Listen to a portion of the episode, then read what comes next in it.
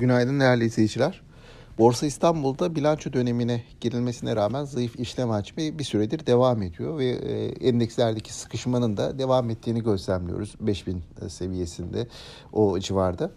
E, dün gıda, içecek, gübre, otomotiv ve havacılık hisselerinde nispeten daha güçlü bir seyir vardı. Burada alımlar gördük. Buna karşılık beyaz eşya, elektronik, altın madenciliği ve banka hisselerinde e, satıcılı seyir vardı.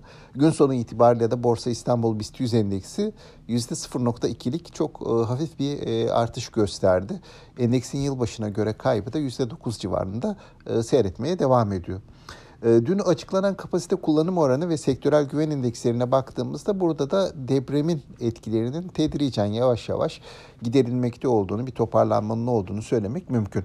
E, haber akışları ekonomi tarafında bu hafta içerisinde devam edecek. E, hafta özellikle işte Perşembe günü para politikası e, kararları, Cuma günü de e, dış ticaret verileri bekleniyor.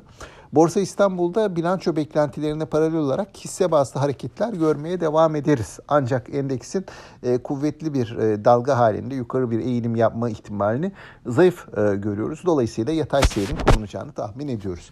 Aktaracaklarım bu şekilde sağlıklı, bol ve bereketli kazançlı günler dilerim.